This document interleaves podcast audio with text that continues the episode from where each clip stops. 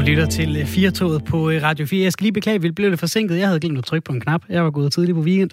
Sådan kan det være. Så må vi jo prøve at se, om vi kan indhente de 40 sekunder, hvor vi ikke talte noget, Svende. Mit, mit navn er, øh, er Svend Lund Jensen. Ved siden af mig står du, Simon Brix. Du har været en tur på det store internet. Bare lige for at klæde os alle sammen på, når vi skal hjem på weekend forhåbentlig. Det kan være, at vi skal sidde i festligt lag under 10 personer og snakke lidt, og så er det fint lige at være opdateret på, øh, hvad er det, der sker øh, på, på det store internet? Ja, også fordi vi i løbet af den her uge, så vi har fået nogle forskellige sms'er fra, øh, fra nogle af vores øh, lyttere. Vi skal nok sende en opfordring ud til jer om, at I stadigvæk kan gøre det, men nogle af de sms'er, de gik simpelthen på, og kan vi ikke lade være med at høre noget om øh, mink eller noget om øh, corona. Mm. Man er sådan en lille smule coronadepressiv, tænker jeg. Og så øh, tog jeg lige en rundtur, og jeg stødte blandt andet på øh, borgmesteren oppe i Frederikshavn Kommune, Birgit S. Hansen, som øh, på Twitter, blandt andet fordi der måske har rigtig, rigtig mange træls nyheder fra det nordiske øjeblikket, skrev, hvis jeg ser en eneste positiv artikel i medier, eller en positiv vinkel på øh, de sociale medier i dag, bare om et eller andet, må jeg få to glas rum i aften, hvis jeg støder på det. Det øh, ved jeg ikke, om det skal være en opfordring, jeg sender videre til, til jer lytter. Det er fredag derude, så man kan jo godt have lov til det. Og det er ligesom noget, der, der medført en, en lille bitte tsunami på hendes Twitter-profil, Birgit S. Hansen fra, fra Socialdemokratiet. Og øh, det lokale medie deroppe, nordiske DK, de satte sig simpelthen for, at den øh, opgave, den synes de godt, de kunne løse. Ja. Har du lyst til at høre, hvad for en øh, nyhed, de gravede frem, ja, som øh, kan give øh, to glas rom til øh, Birgit S. Hansen i aften? Endelig, så kan Jan lange pølser over disken igen. Ej, hvor dejligt. Ja, og det er øh, i øvrigt pølsevognen i Tisted med det fremragende navn Burgerfri. Havnens pølsevogn, som øh, altså i Tisted nu er, er åben igen. En øh, nyhed fra i dag på Nordiske om, hvordan Jan han øh, kan glæde både sig selv og borgerne med at give en ristet hotter til nordjyderne. Ej, hvor godt. Skål til øh, Birgit, kan vi sige. Og, øh... altså, hvor mange gode nyheder kom der? Altså, skal hun have øh, 1200 glas rom i aften? Ja, det, det er lige før. Øh, altså, hvis man går ind på hendes Twitter-profil, så er der kommet en del af den, og så går hun okay. i, i øh, hvad skal man sige, samtale med nogen om, øh, om hvorvidt det reelt er en øh, god nyhed. Den første, som okay. Nordiske fandt til hende, det var om øh, Nordjyllands ældste, som øh, fylder 105. Og det er jo også en, øh, en positiv historie, hvis man øh, kan lide at blive øh, ældre. Det, hun opponerede lidt mod Birgit Hansen, det er, at den er et par dage gammel. Så ah. det siger lidt om, hvor svært den måske har haft med at, med at finde det. Nå, eller så hvis hun nu, altså hvis der kommer for, for mange gode nyheder, ikke? og hun skal drikke for meget rom, altså mere end hun har lyst ja. til, så kan hun jo bare sige, øh, det var en fejl, det beklager. Ja, altid. Det er, det er jo meget øh, socialdemokratisk. det er lige præcis. Det er jo en fordel, at man kan have nogle gange, når man sidder øh, i det røde parti med, med rosen. Vi skal blive lidt øh, over i de røde, måske lidt mere de, øh, de røde-grønne, og så lige have sådan ned, en tur ned af memory lane, Svende, fordi mm-hmm. det er øh, en anden politiker, som på sin Facebook-profil for ni år siden, præcis i dag, skrev slet og ret, jeg skal skide. Okay.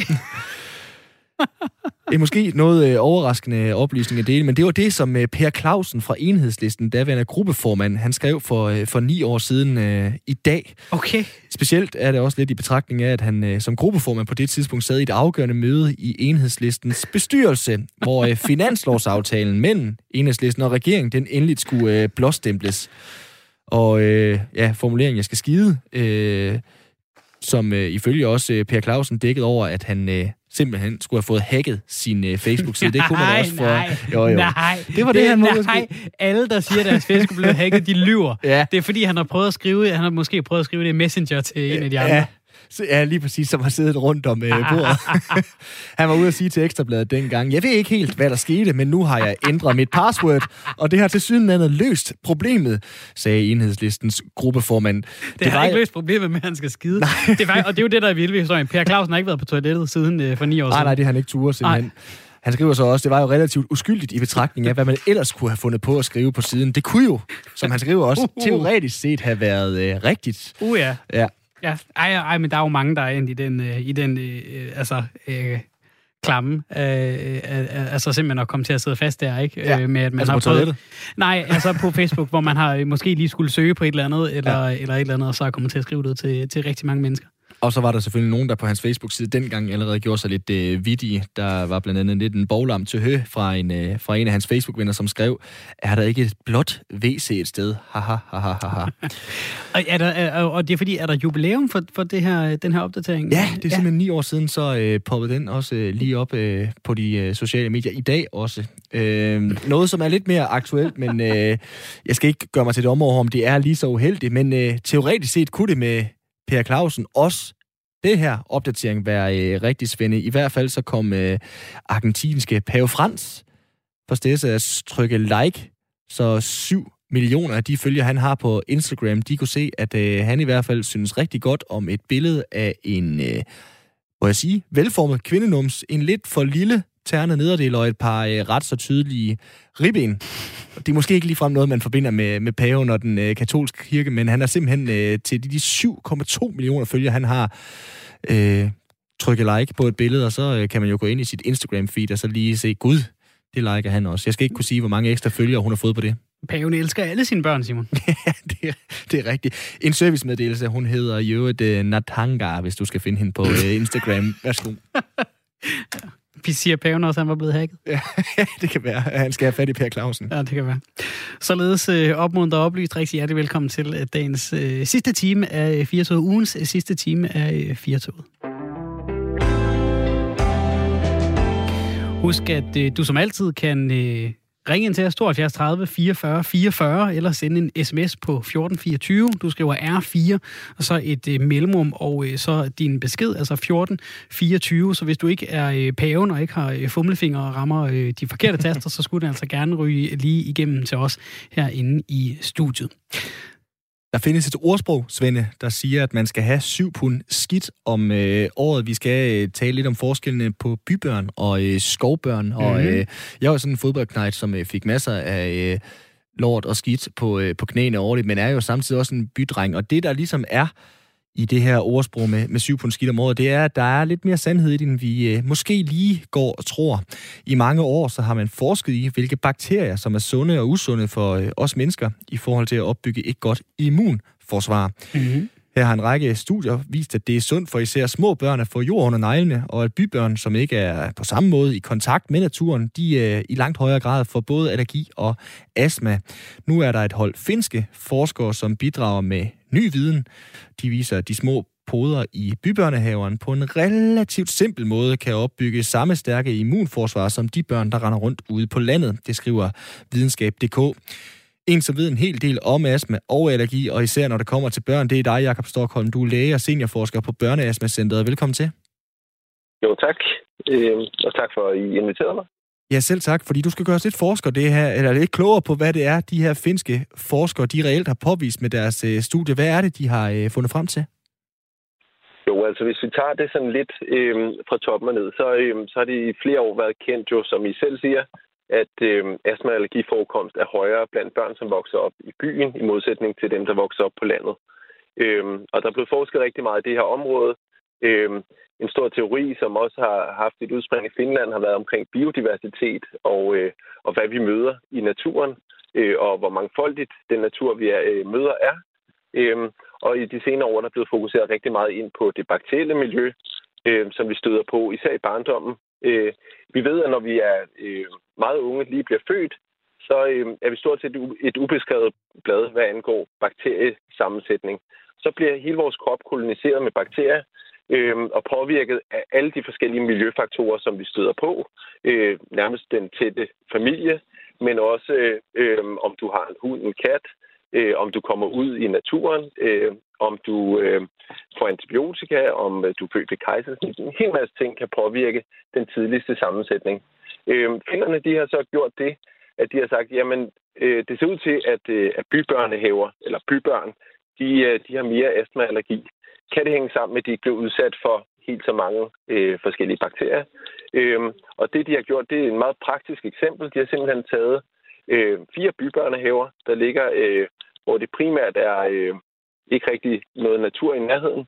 Og så har de øh, flyttet skovjord og skovbund med forskellige vækster øh, ind i de her øh, bybørnehaver. Til sammenligning så har de så nogle bybørnehaver, som der ikke er blevet gjort det samme ved. Øhm, og så har de en række, hvad vi vil kalde udflytterbørnehaver med børn, som kommer i naturen øh, dagligt øh, i deres børnehavetid. Og så prøver de simpelthen at kigge på, jamen det, at du øh, transplanterer et stykke natur ind i en øh, bybørnehave, kan det påvirke børnene i en positiv retning. Øhm, så det er i store, øh, store træk den måde, de har gjort det på. Og så kigger de på børnenes bakteriesammensætning, på hud, på deres tarm øh, og deres immunsystem, hvordan de reagerer på den her nye exposure i form af, øh, af hvad hedder det, skovjord. Er det overraskende, fordi nu er det er jo sådan øh, øh, noget, vi, det er jo sådan noget, hvad kan man sige, morvisdom, ikke? Altså, at, at børn har godt af lidt øh, skidt og, og snavs og bakterier. Er det overraskende det her med, at man, at man ikke nødvendigvis behøver at flytte bybørnene ud i skoven, men, men simpelthen bare kan flytte noget af skoven ind til bybørnene? Altså, det er i hvert fald noget, som, øh, som man jo har spekuleret over, om det, øh, om det kunne lade sig gøre. Øh, man kan sige, det er første gang, man, man prøver at gøre det i praksis, mm. og så faktisk teste det øh, også ved at sige, jamen, fordi de laver selvfølgelig en, en, en måling, som øh, inden forsøget starter her, hvor man kan sige, at der ligner de her forskellige bybørn, de ligner hinanden, og udflytter børnene ligner ikke bybørnene øh, med hensyn til hudbakterier og, og tarmbakterier. Øh, og så laver de en måned, hvor de bybørnene bliver udsat for den her øh, det her skovmiljø, kan man sige. Øhm, og så efter den måned, så måler man igen deres bakteriesammensætning. Og så kan man se, at de markant på nogle punkter ændrer både deres hudbakterier, deres tarmbakterier, og også hvordan immunsystemet faktisk reagerer. Øhm, og det, der er lidt interessant, det er jo, at de kommer til at ligne de her udflytterbørn mere. Øhm, i både, både, øh, både tarm, hud og, øh, også hvordan deres immunsystem øh, opererer. Så, så logikken, øh, kan man sige, den, den er måske øh, den er måske på plads allerede i forvejen, men øh, det er vigtigt, at man går ind og får målt de her ting og, og vejet, om, om det rent faktisk også forholder sig sådan, som vores hypotese går. Men Jacob, kan du ikke lige prøve at tage mig og nogle af lytterne med tilbage til, til biologiundervisning i folkeskolen? Hvorfor er det, det er, at øh, skidt, snavs og bakterier, som man måske tænker øde om, er så sundt for, øh, for vores børn? Altså man kan sige, øh, vi har set en stor stigning i både astma og allergi, men også en hel masse andre kroniske sygdomme over de sidste måske 30, 40, 50 år, i takt med, at vi er øh, at vi lever, som vi gør i de vestlige samfund.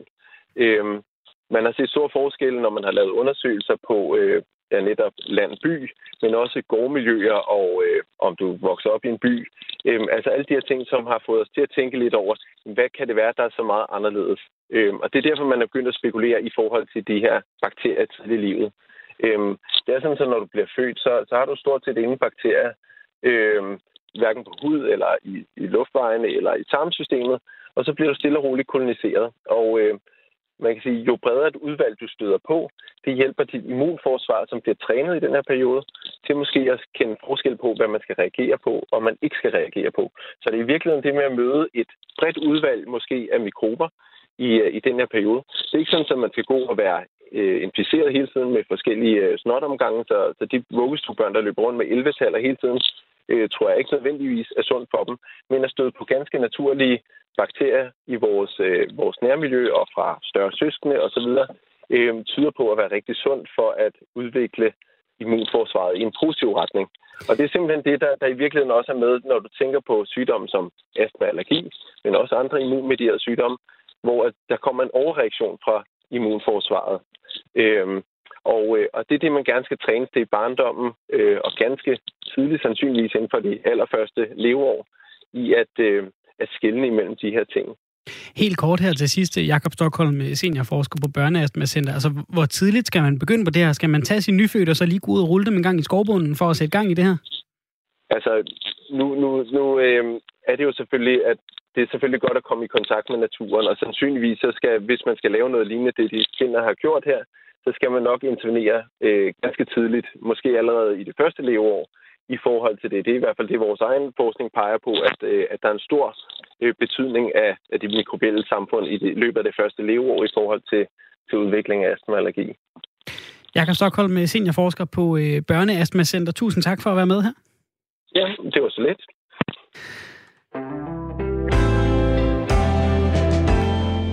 Nu skal vi tale en øh, lille smule om vælgererklæringer, fordi det skal være forbudt at købe sig til den slags.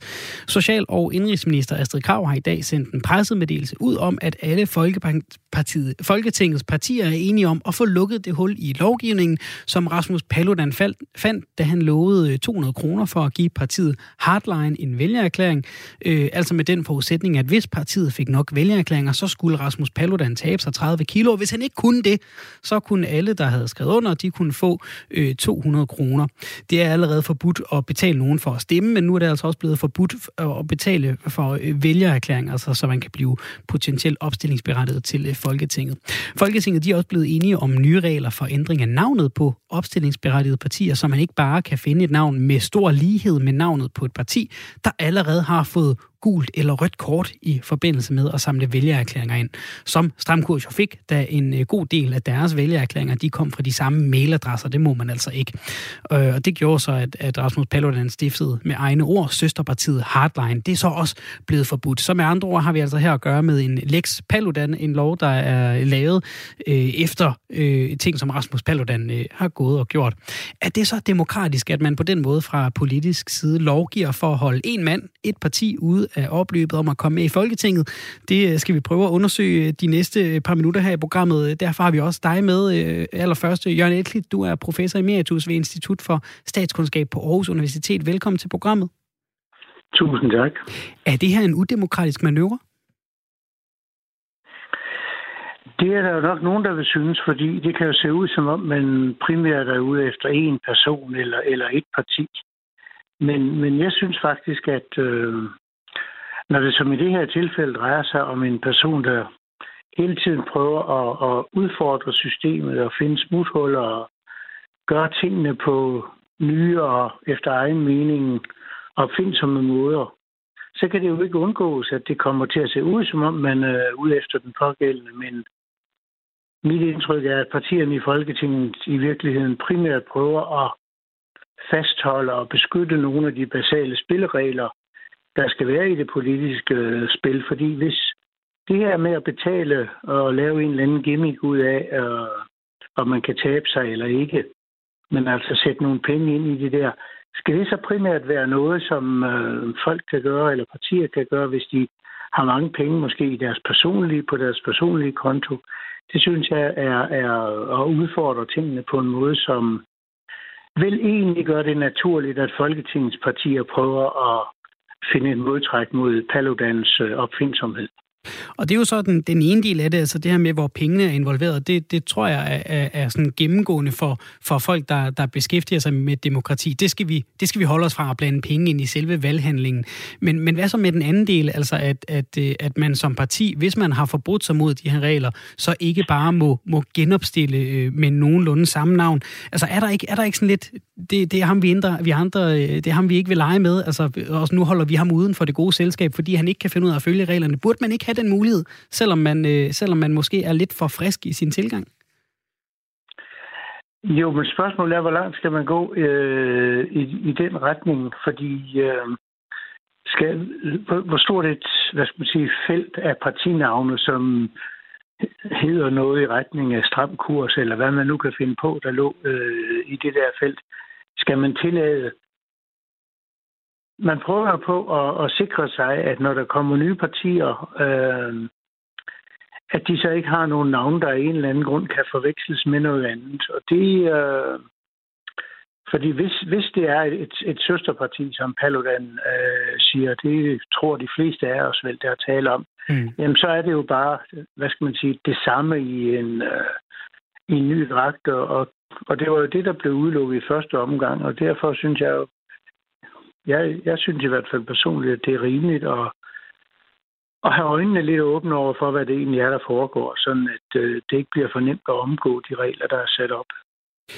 Og, og, og hvis vi nu skal, skal prøve, øh, altså du er jo professor emeritus, så det vil sige, at du har set en ting eller to. Øh, hvor, hvor bemærkelsesværdige er de her, øh, de her øh, greb, som Rasmus Paludan har kastet sig over for at få vælgererklæringer og for at blive, blive genopstillet til folketingsvalg? Jamen, det er der ikke nogen... Øh, ikke i Danmark nogen, nogen... Jeg kan i hvert fald ikke lige komme i tanke om nogle, øh, nogle fortilfælde, jeg skal ikke kunne sige, om der er i andre lande er nogen, der har været tæt på. Men der har man normalt nogle tilsvarende regler, at, mm. at det må ikke komme tæt på. Jeg ved for eksempel i Sydafrika, der er der lige nu et parti, som forsøger at blive etableret, som har et logo, der i utrolig grad minder om AMC's logo. Samme farver og, og, og samme opbygning og så videre.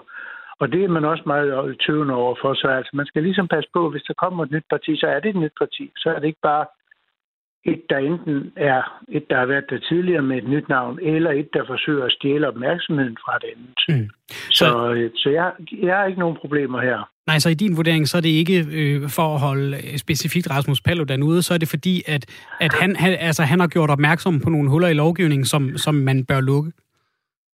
Ja, og det, synes, og det synes jeg er helt, helt i orden om. Og jeg, øh, det, det drejer sig, så vidt jeg opfatter det, ikke om et, et forsøg på at genere Paludan, men det ville også øh, dreje sig om alle, der havde tils, en, en tilsvarende opfindsomhed i forhold til at finde, finde huller og finde sprækker i, i det system, der er bygget op. Øh, så ja. Du skal have tusind tak for at være med her, Jørgen Edklit.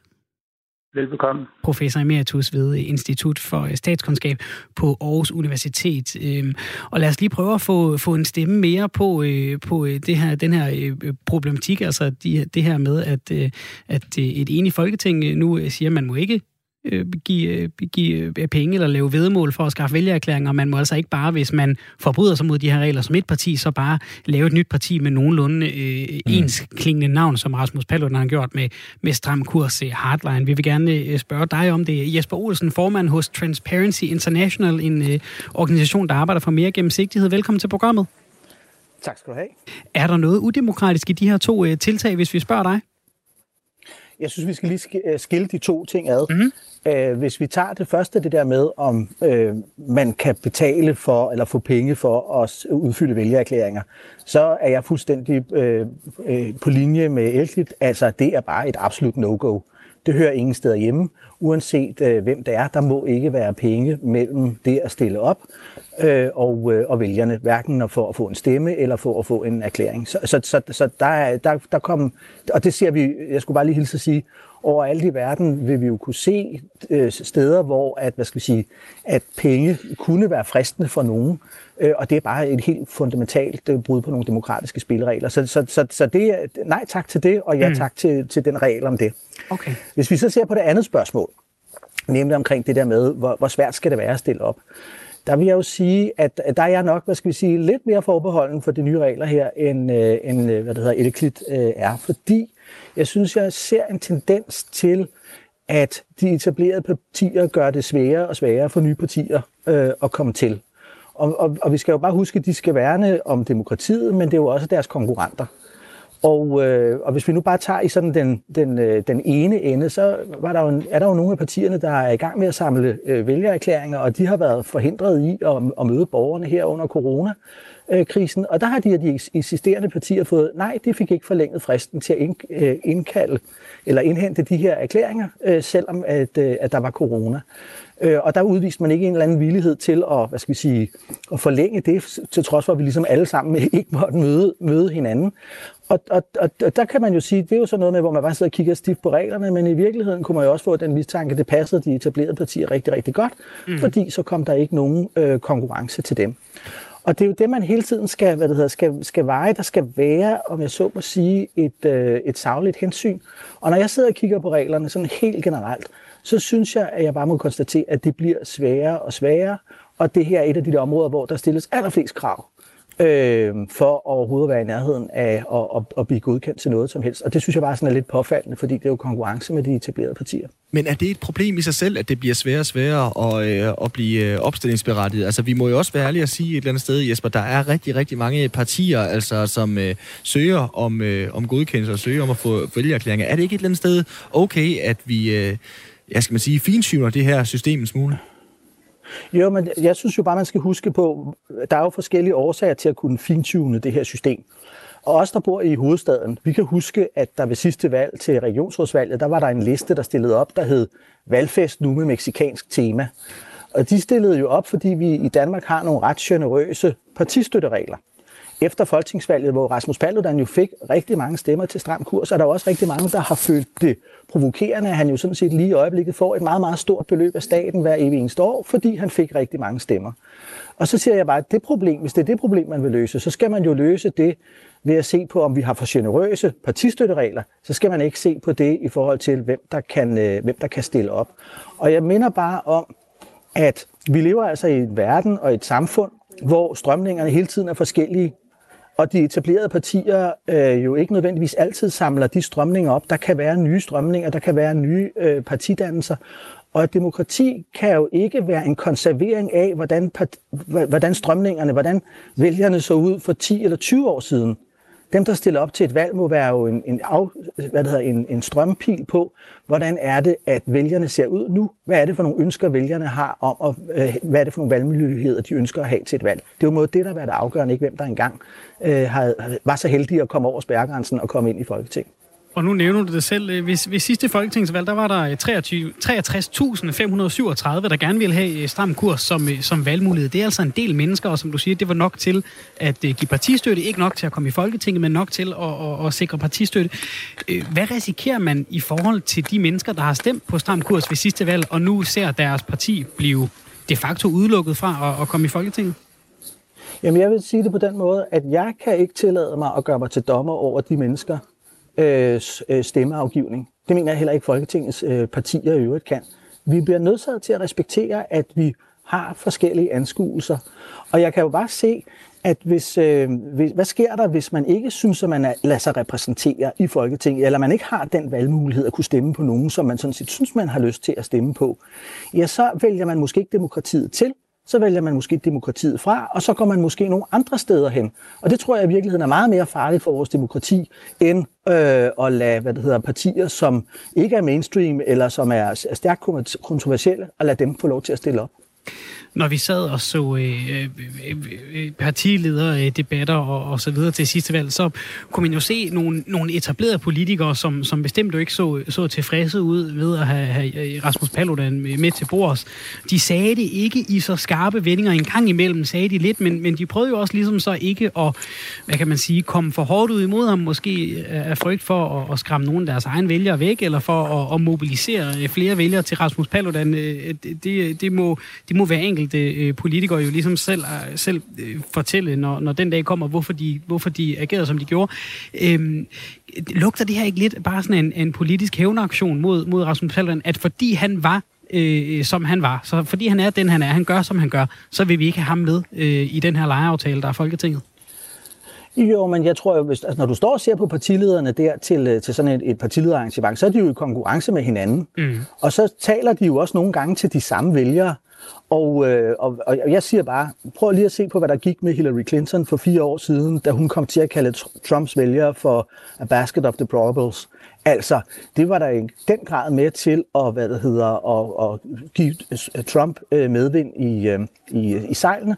Og jeg føler mig da helt overbevist om, at der er nogle af de partier, som har stået og bejlet til de samme vælgere som Rasmus Paludan, som ikke ville begå Hillarys fejl i den der situation. Så du skal bare nødsaget til at se på det, der de er i en konkurrence. Og, og jeg føler mig simpelthen ikke i stand til at kunne pege på nogen, der kan gøre sig til dommer over, hvilke vælgere, hvilke synspunkter, der skal have lov til at få en stemme eller ikke få en stemme.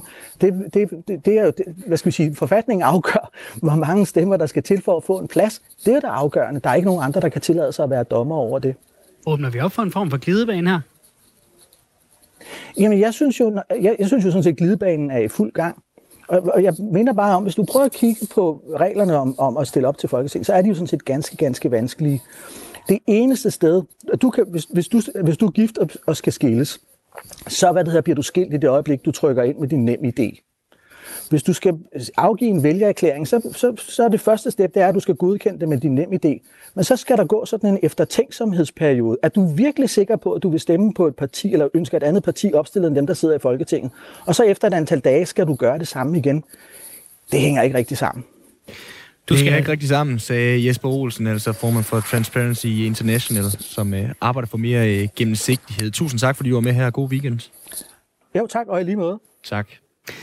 Og jeg kan afsløre, at Jesper Olsen han ikke øh, går helt på weekenden nu. Han øh, sidder klar til at brage ind i orientering på øh, p Han skal ind og snakke om øh, mink, og øh, der har han også været øh, enormt kritisk over for det forløb. Det kan man jo øh, gå ind og lytte til øh, senere, hvis man skulle have lyst til det. Ligesom man jo øvrigt kan lytte til det her program øh, for skudt, hvis man skulle have lyst til det på øh, Radio 4's hjemmeside, øh, eller i øh, den øh, applikation, du nu bruger til at lytte til podcast. Ja, for du skal da blive her de næste 25 minutter, hvor vi øh, sender dig på weekend her i øh, Firtoget med Svende og med mig, Simon Brix Frederiksen. Vi har fået en sms fra øh, en lytter. Øh, han skriver, Hej, Firtoget, jeg finder anledning til at sende min dybeste medfølelse til chaufføren af den brandramte lastbil på Storbæltsbroen og den last, der gik tabt venlighedsen kaptajn Haddock. Øh, du har godt set Storbæltsbroen, den lukkede ned nogle timer i dag. Har du set de vilde billeder? Jeg har ikke set de vilde billeder, nej. Du skal simpelthen se, det er jo en, en, en lastbil øh, i, i, meget, øh, i meget hæftig brand, hvis du kigger herover på min øh, computer. Tak skæble. Hvad jeg kan se ilden herover. Hvad tror du, den, den kørte med, siden øh, vores lytter, Kaptajn Haddock, nu øh, sender en, øh, en kærlig tanke til øh, lastbilen, og, og især lasten, der gik tabt? Det tør jeg simpelthen ikke. Altså lige uh, umiddelbart bedømt for billedet, så ligner det jo nærmest nitroglycerin, som den har tøffet rundt med. Det er faktisk tæt på. Den kørte med whisky. Den kørte med whisky? Den kørte med whisky, og det er simpelthen derfor, at altså, der blev ved med at gå ind i køretøjet, fordi den bare var fyldt med whisky. ja, okay, det kan jeg selvfølgelig godt se et problem med. Hvor gammel øh, whisky, står der noget om det? Står, hvad, hvad, hvad har vi øh, mistet på markedet? Går jeg ned i min lokale øh, superbrusen øh, nu, og så kan jeg ikke få øh, den flaske, jeg skal hjem og have i dag? Der står ikke, øh, hvor meget det er, men vi må sige, at, at altså, 2020 kræver endnu et offer. Ikke? Ja, det tør siges. Det er simpelthen et forfærdeligt år, vi har, vi har gang i her på, på alle måder. Skal man lave en rigtig, rigtig søgt overgang til det, du lige sagde der, Svend, så kunne man jo tale om øh, whisky og øh, de øh, flasker, der kommer til at mangle på hylderne. Jeg har lige sådan et billede, jeg lige vil prøve at tegne for dig. En bartender, han står nemlig foran dig på sin øh, tomme bar med en støvet hylde og siger til dig, jeg har aldrig haft bedre produkter stående her, jeg har aldrig haft bedre flasker. Mm. Lidt det samme, det gør sig nemlig gældende i de danske ishockeyhaller i øjeblikket, hvor coronaen holder tilskuerne ude. Men på isen, der har skøjteprinserne med fuldske og manglende tænder faktisk aldrig været bedre. For tre måneder siden, så stod der nærmest rest in peace hen over dansk ishockey, da coronaen gjorde sit indtog. Nu skøjte de bedste spillere, ligaen nogensinde har haft rundt på isen, hvor flere tunge landsholdsdrenge er vendt hjem, og den nordamerikanske vinterhi har, øh, eller coronahi har sendt en rigtig stor mængde dygtige spillere til Danmark på lejekontrakter. Thomas Bjørn, kommersiel direktør for Ishockeyonen og øh, Ligaen. Velkommen til programmet. Mange tak. Hvor god en vare har I reelt på hylderne? Jamen, øh, ishockeyen har stadigvæk en rigtig, rigtig god vare, og det er rigtigt, som du siger, at vi har været privilegeret af, at der er kommet mange store profiler hjem til Danmark, lige så vel som at der også er masser af udlandske spillere, som kigger i den her retning. Og det gør de jo primært, fordi at der ikke bliver spillet nogen andre steder lige i øjeblikket. Hvad er det for nogle øh, navne, hvis vi lige skal, skal putte, øh, putte nogle navne på? Jo, men vi har jo prominente navne, som, som, øh, øh, som øh, Jesper over i Frederikshavn. Vi har Mathias nede i, i Herning. Øh, vi har masser nede i Herning, og der er kommet folk til Rungsted også. Så det er flere etablerede landsholdsspillere, som er vendt hjem. Men I har jo ikke rigtig nogen, øh, som kan smage på varen, hvis vi skal blive i den der øh, terminologi med, med whisky på hylderne, Thomas Bjørn. Hvor presset er I reelt, fordi der ikke er nogen tilskuere i hallerne lige i øjeblikket? Ja, men det er jo ikke nogen hemmelighed, at det her med ikke at spille for tilskuere, det er selvfølgelig en kæmpe stor udfordring i dansk ishockey. Det forholder sig sådan, at, at en stor del af, de, af den omsætning og indtjening, vi har helt op mod, mod halvdelen af den indtjening, vi har, kommer jo primært fra vores aktiviteter i forbindelse med kampafvikling. Så det er klart, det spiller naturligvis en stor rolle, at vi, øh, at vi ikke har tilskuere her lige nu for de, øh, som måske ikke er så ishockeykyndige derude, så, øh, så kan det måske øh, for dem klinge en lille smule hult, alt I tilbage i, i starten af corona skreg på hjælp, altså inklusive den klub, du selv var, var direktør i, Aalborg, Thomas Bjørn. Nu render der dyre udlænding rundt med en HL-kampe, og der render store landsholdsstjerner rundt. Var I for hysteriske dengang? Altså, det var vi på ingen måde. Den her øh, udfordring og den risiko, der er til stede, den er stadigvæk meget, meget presserende. Men det er vigtigt at forholde sig til, at øh, at flere af de her folk, øh, der var jo skrevet kontrakter med dem, inden at, øh, at coronaen brød ud. Det er sådan, at en landsholdsspiller vender ikke bare hjem lige pludselig øh, til sådan et setup som det, der er her. Omvendt, så skal man også forholde sig til, at priserne på dem er heller ikke det samme. Så jeg ved godt, hvad sådan en ishockeyspiller her koster normalt, men jeg skal helt sige, at det er ikke det, klubberne de betaler for dem, som, som det ser ud lige nu. Men hvis øh, produktet det øh, næsten aldrig har været bedre i, ude på, på skøjtebanerne ude i de danske ishockeyhaller, tror du, øh, folk vil være øh, med ude i hallerne alligevel? Ja, det, det tror jeg, de vil være. Altså, I det øjeblik, at, øh, at der forhåbentlig kommer nogle, nogle, nogle lempelser på, på, på det, der sker i samfundet, og samfundet kan tåle, så er der overbevist om, at folk de vil være klar på at, øh, at vende tilbage til hallerne. Og jeg er også overbevist om, at hvis man sætter sig en lille smule ind i, hvordan det var, de her ting, de nogle engang var sat sammen, så vil man også have en forståelse for, at øh, når tingene ikke er normale i halen, så er de altså heller ikke normalt uden for halen. Det er selvfølgelig det, der er en af de primære årsager til, at vi har de her store profiler i den danske liga, som det er lige nu. Hvis man springer til en anden sportsgren, så har vi jo håndbold, som vi, som vi selv har øh, opfundet i Danmark, og som vi, øh, vi hylder, øh, mens vi i ishockey, må vi være ærlige at sige, jo i mange år har været en eller anden form for øh, humlebi, hvis vi kigger på det internationale set, med, med rigtig mange spillere i den bedste amerikanske, øh, nordamerikanske liga, NHL. Altså, har vi været øh, for dårlige til at sætte pris på det?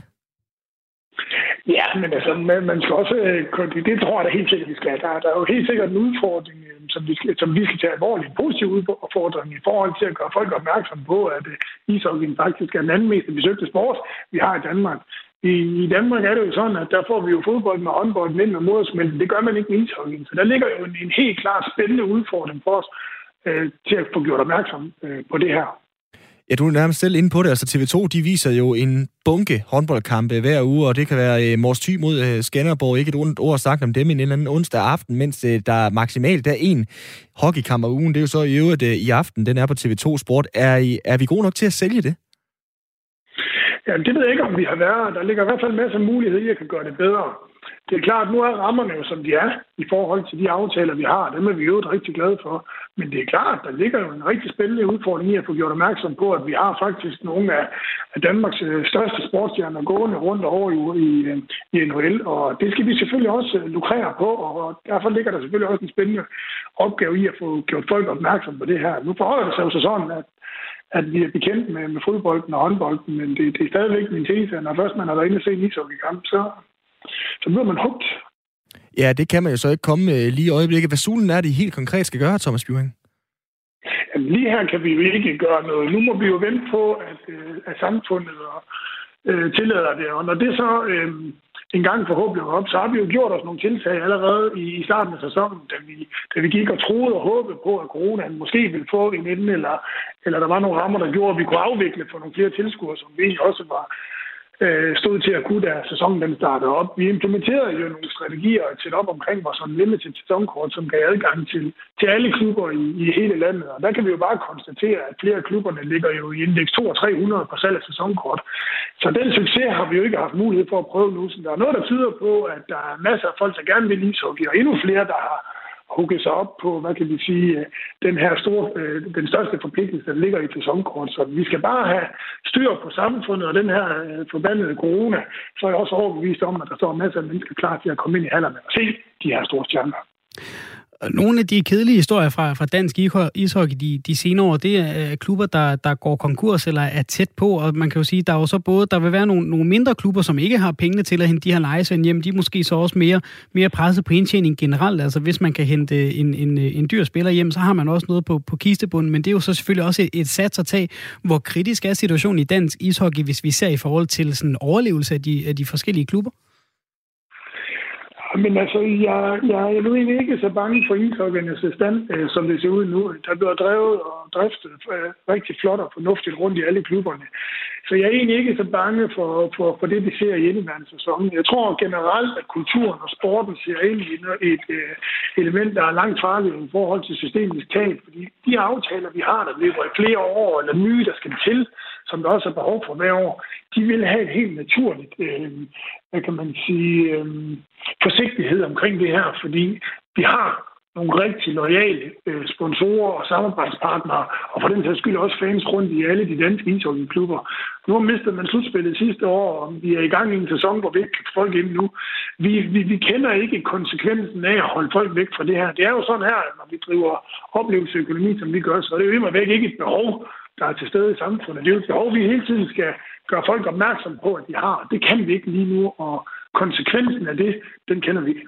Men er I sådan lidt for, øh, undskyld udtrykket, Thomas Bjørn, øh, socialistiske i, i ishockey i øjeblikket? Altså, I laver det her unlimited hockey, hvor alle kan komme ind og se alle kampe i, i ligaen med, med alle hold, og så er der også den her i forhold til fjernsynsdelen, sådan en slags turnusordning, som jeg i hvert fald ikke kender i hverken øh, håndbold eller, eller fodbold.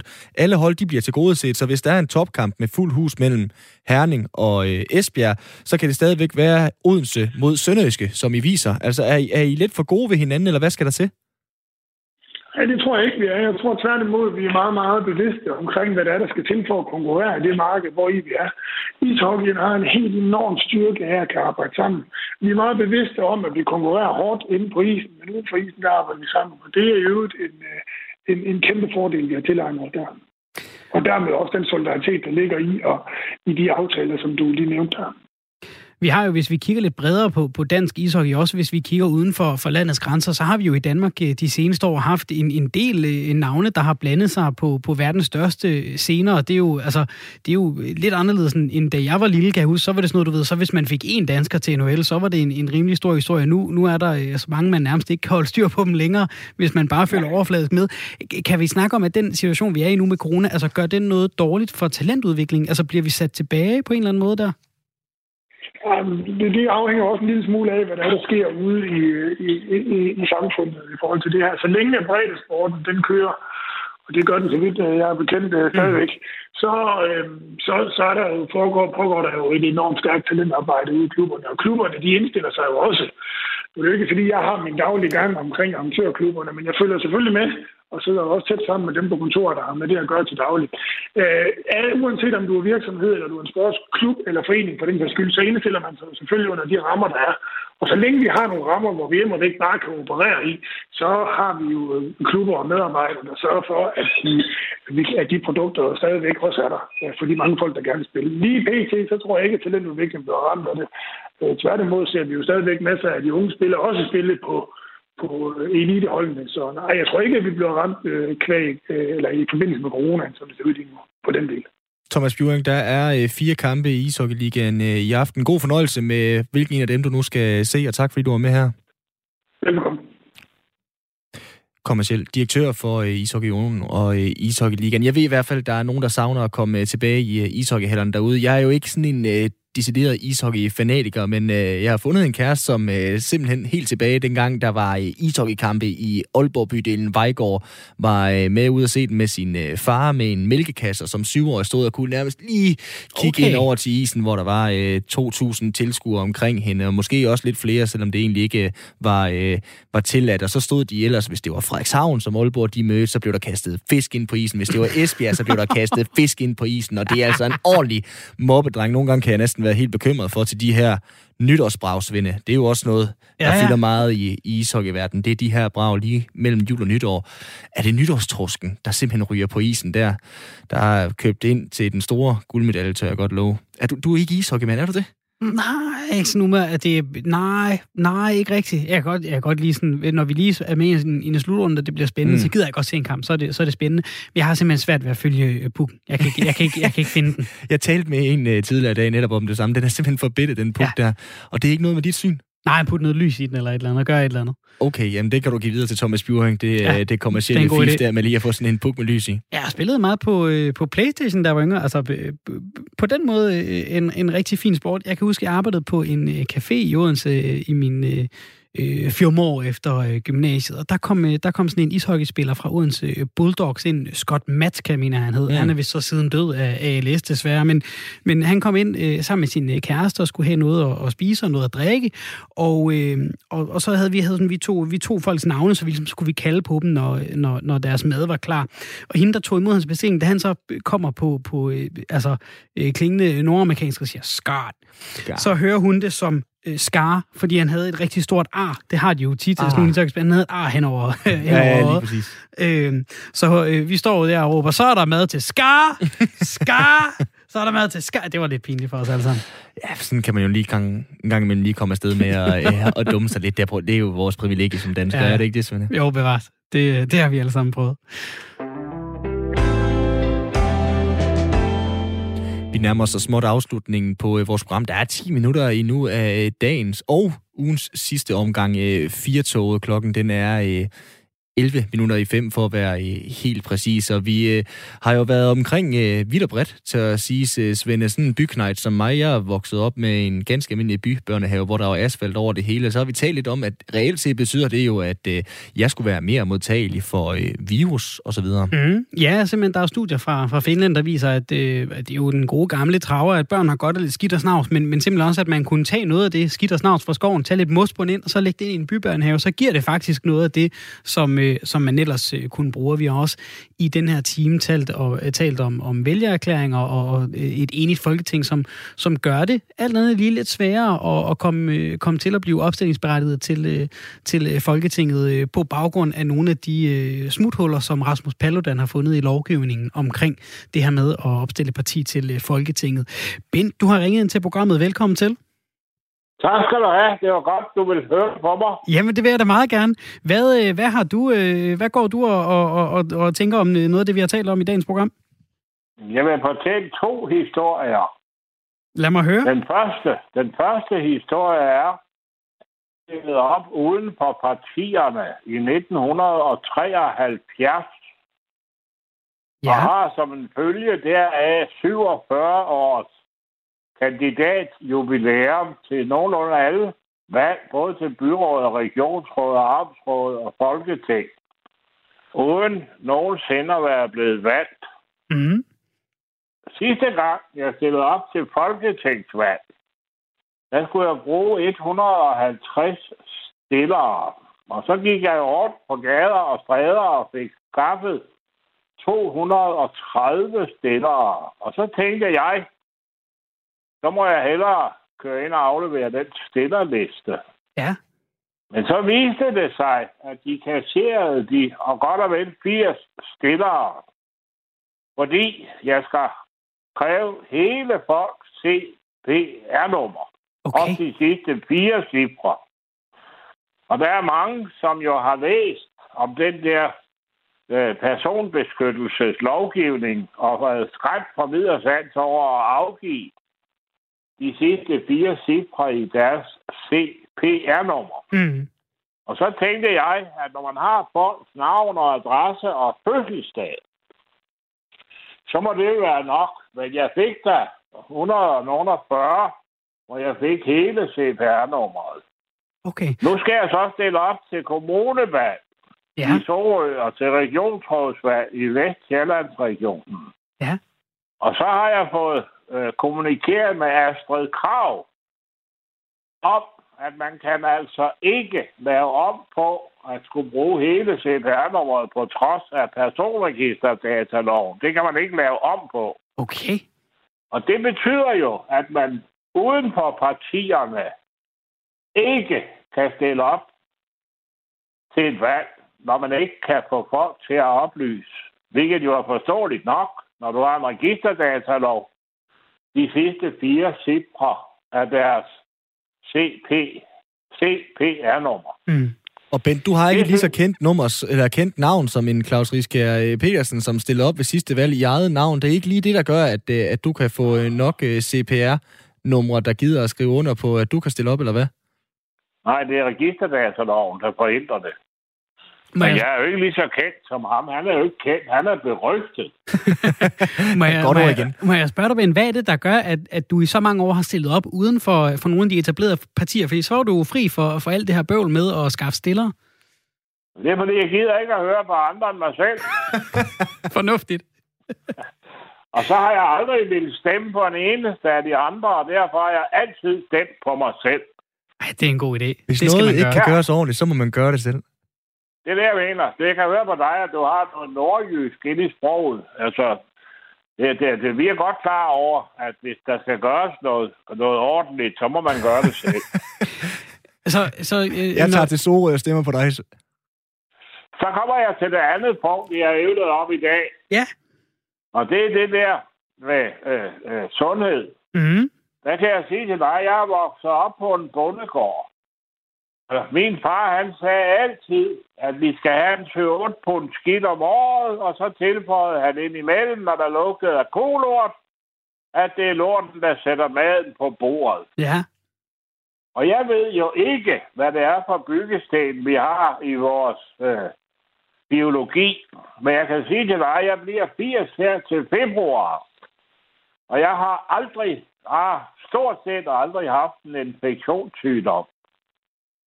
Okay. Og jeg kan ikke huske, at der var nogen af vores dyr. Vi havde 30 mælkekøer, 300 griser, hønser, hænder, gæster, utal af katte og hvad ved jeg. Jeg kan ikke huske, at en eneste dyrlægeregning kom med noget, der hedder antibiotika. Okay.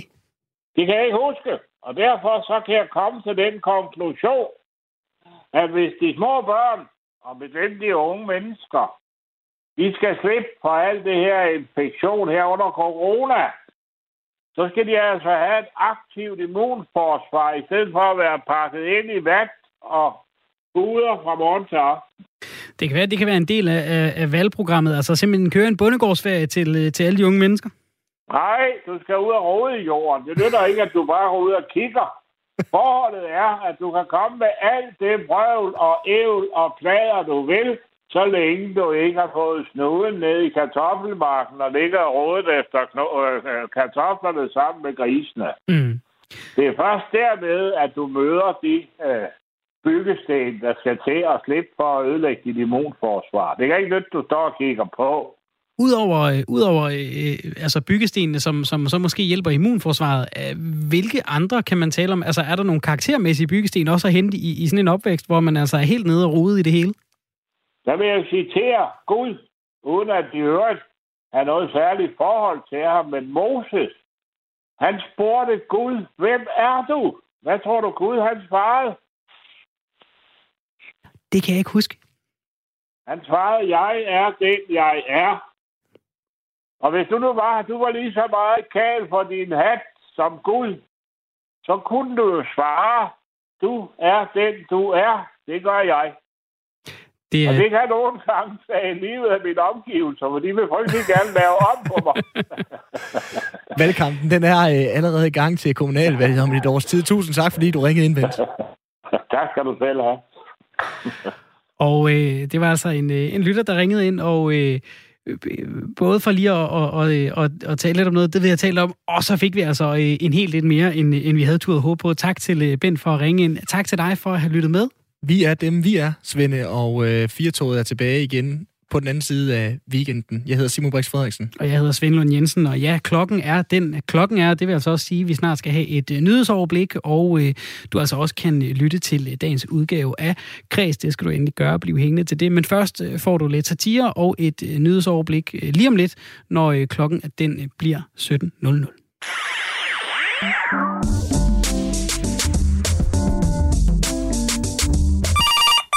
Radio 4 Lytterservice, du taler med Esben. Det skal ud for 1355. Ved, Ja. Jeg har fået en genial idé, Steffen. Ja. Ved du hvad? Det, vi, kan, vi kan komme det til livs med de øh, mutant, mutanterne. Hvad hedder de der, der, mut- de der, der de muterer? Det mut, øh, hvad her det, når du ved, de her, det, det er virus, virusen. Ikke også? Den har de jo fandme fået insemineret op i en anden mink sted oppe i Nordjylland. Og nu kan du fandme det med, det går galt nu, hvis ikke vi får det stoppet. Nu kan du godt se, ikke også? Hvis du tænker over, hen op over Aalborg, på hvor Klisterkanal, Limfjorden, den er, ikke også? Mm-hmm. Hvis man nu tog den, så den er jo sådan set, vi er jo knap nok landfast med Nordjylland. Kunne man ikke flytte Nordjylland, ikke også? Kunne man ikke flytte den væk på landkortet, ikke og Så kunne man lægge den i en, i en firkant øh, op ved siden af Grønland og Bornholm, ikke også? Så Bornholm ligger deroppe i forvejen. Hvis man flyttede Nordjylland væk, få den flyttet op ved siden af Bornholm op i kortet, ved, op omkring Grønland, ikke også? Det kunne du, hvis du tænker, det gjorde de der i gamle, de her der Sjælland, den er der sej. Sjælland, den har de der, hvad hedder pløjet ud. Det var hende de sp- over for, sp- hvad hedder det, med springvandet, når de, hvad, de kører. De, de, hvad hedder det, Gælfjørn springvandet. Hun har da, det er da vel ment. Det har du ikke gået i skole, Steffen. Det bliver du da godt. Den, den pløjede de der ud af en sø op i Sverige. Der kunne den sådan set ligge op igen, øh, hvad hedder det, hele Sjælland. Så, kunne, så var det kun Fyn tilbage, vi kunne komme af med. Og så havde vi Jylland. Steffen, prøv lige at foreslå det med, de, og, og Mette Frederiksen, om hun laver nogle dumme ting. Det kunne høvle øh, Nordjylland af og lægge det op ved siden af Bornholm i en firkant. Så er vi af med, det, øh, med, de, med alt det smittefar deroppe, ikke altså? Er det ikke en god idé? Jo, jeg... jeg Prøv at høre, det, skal der, det må der ikke være videnskab for. Det ved man da, det, det er sgu da logik. ja, Prøv at snakke lige om det til, når de skal ind i nyhederne nu, ikke? Jo, jeg, jeg siger det videre. Er er et Steffen.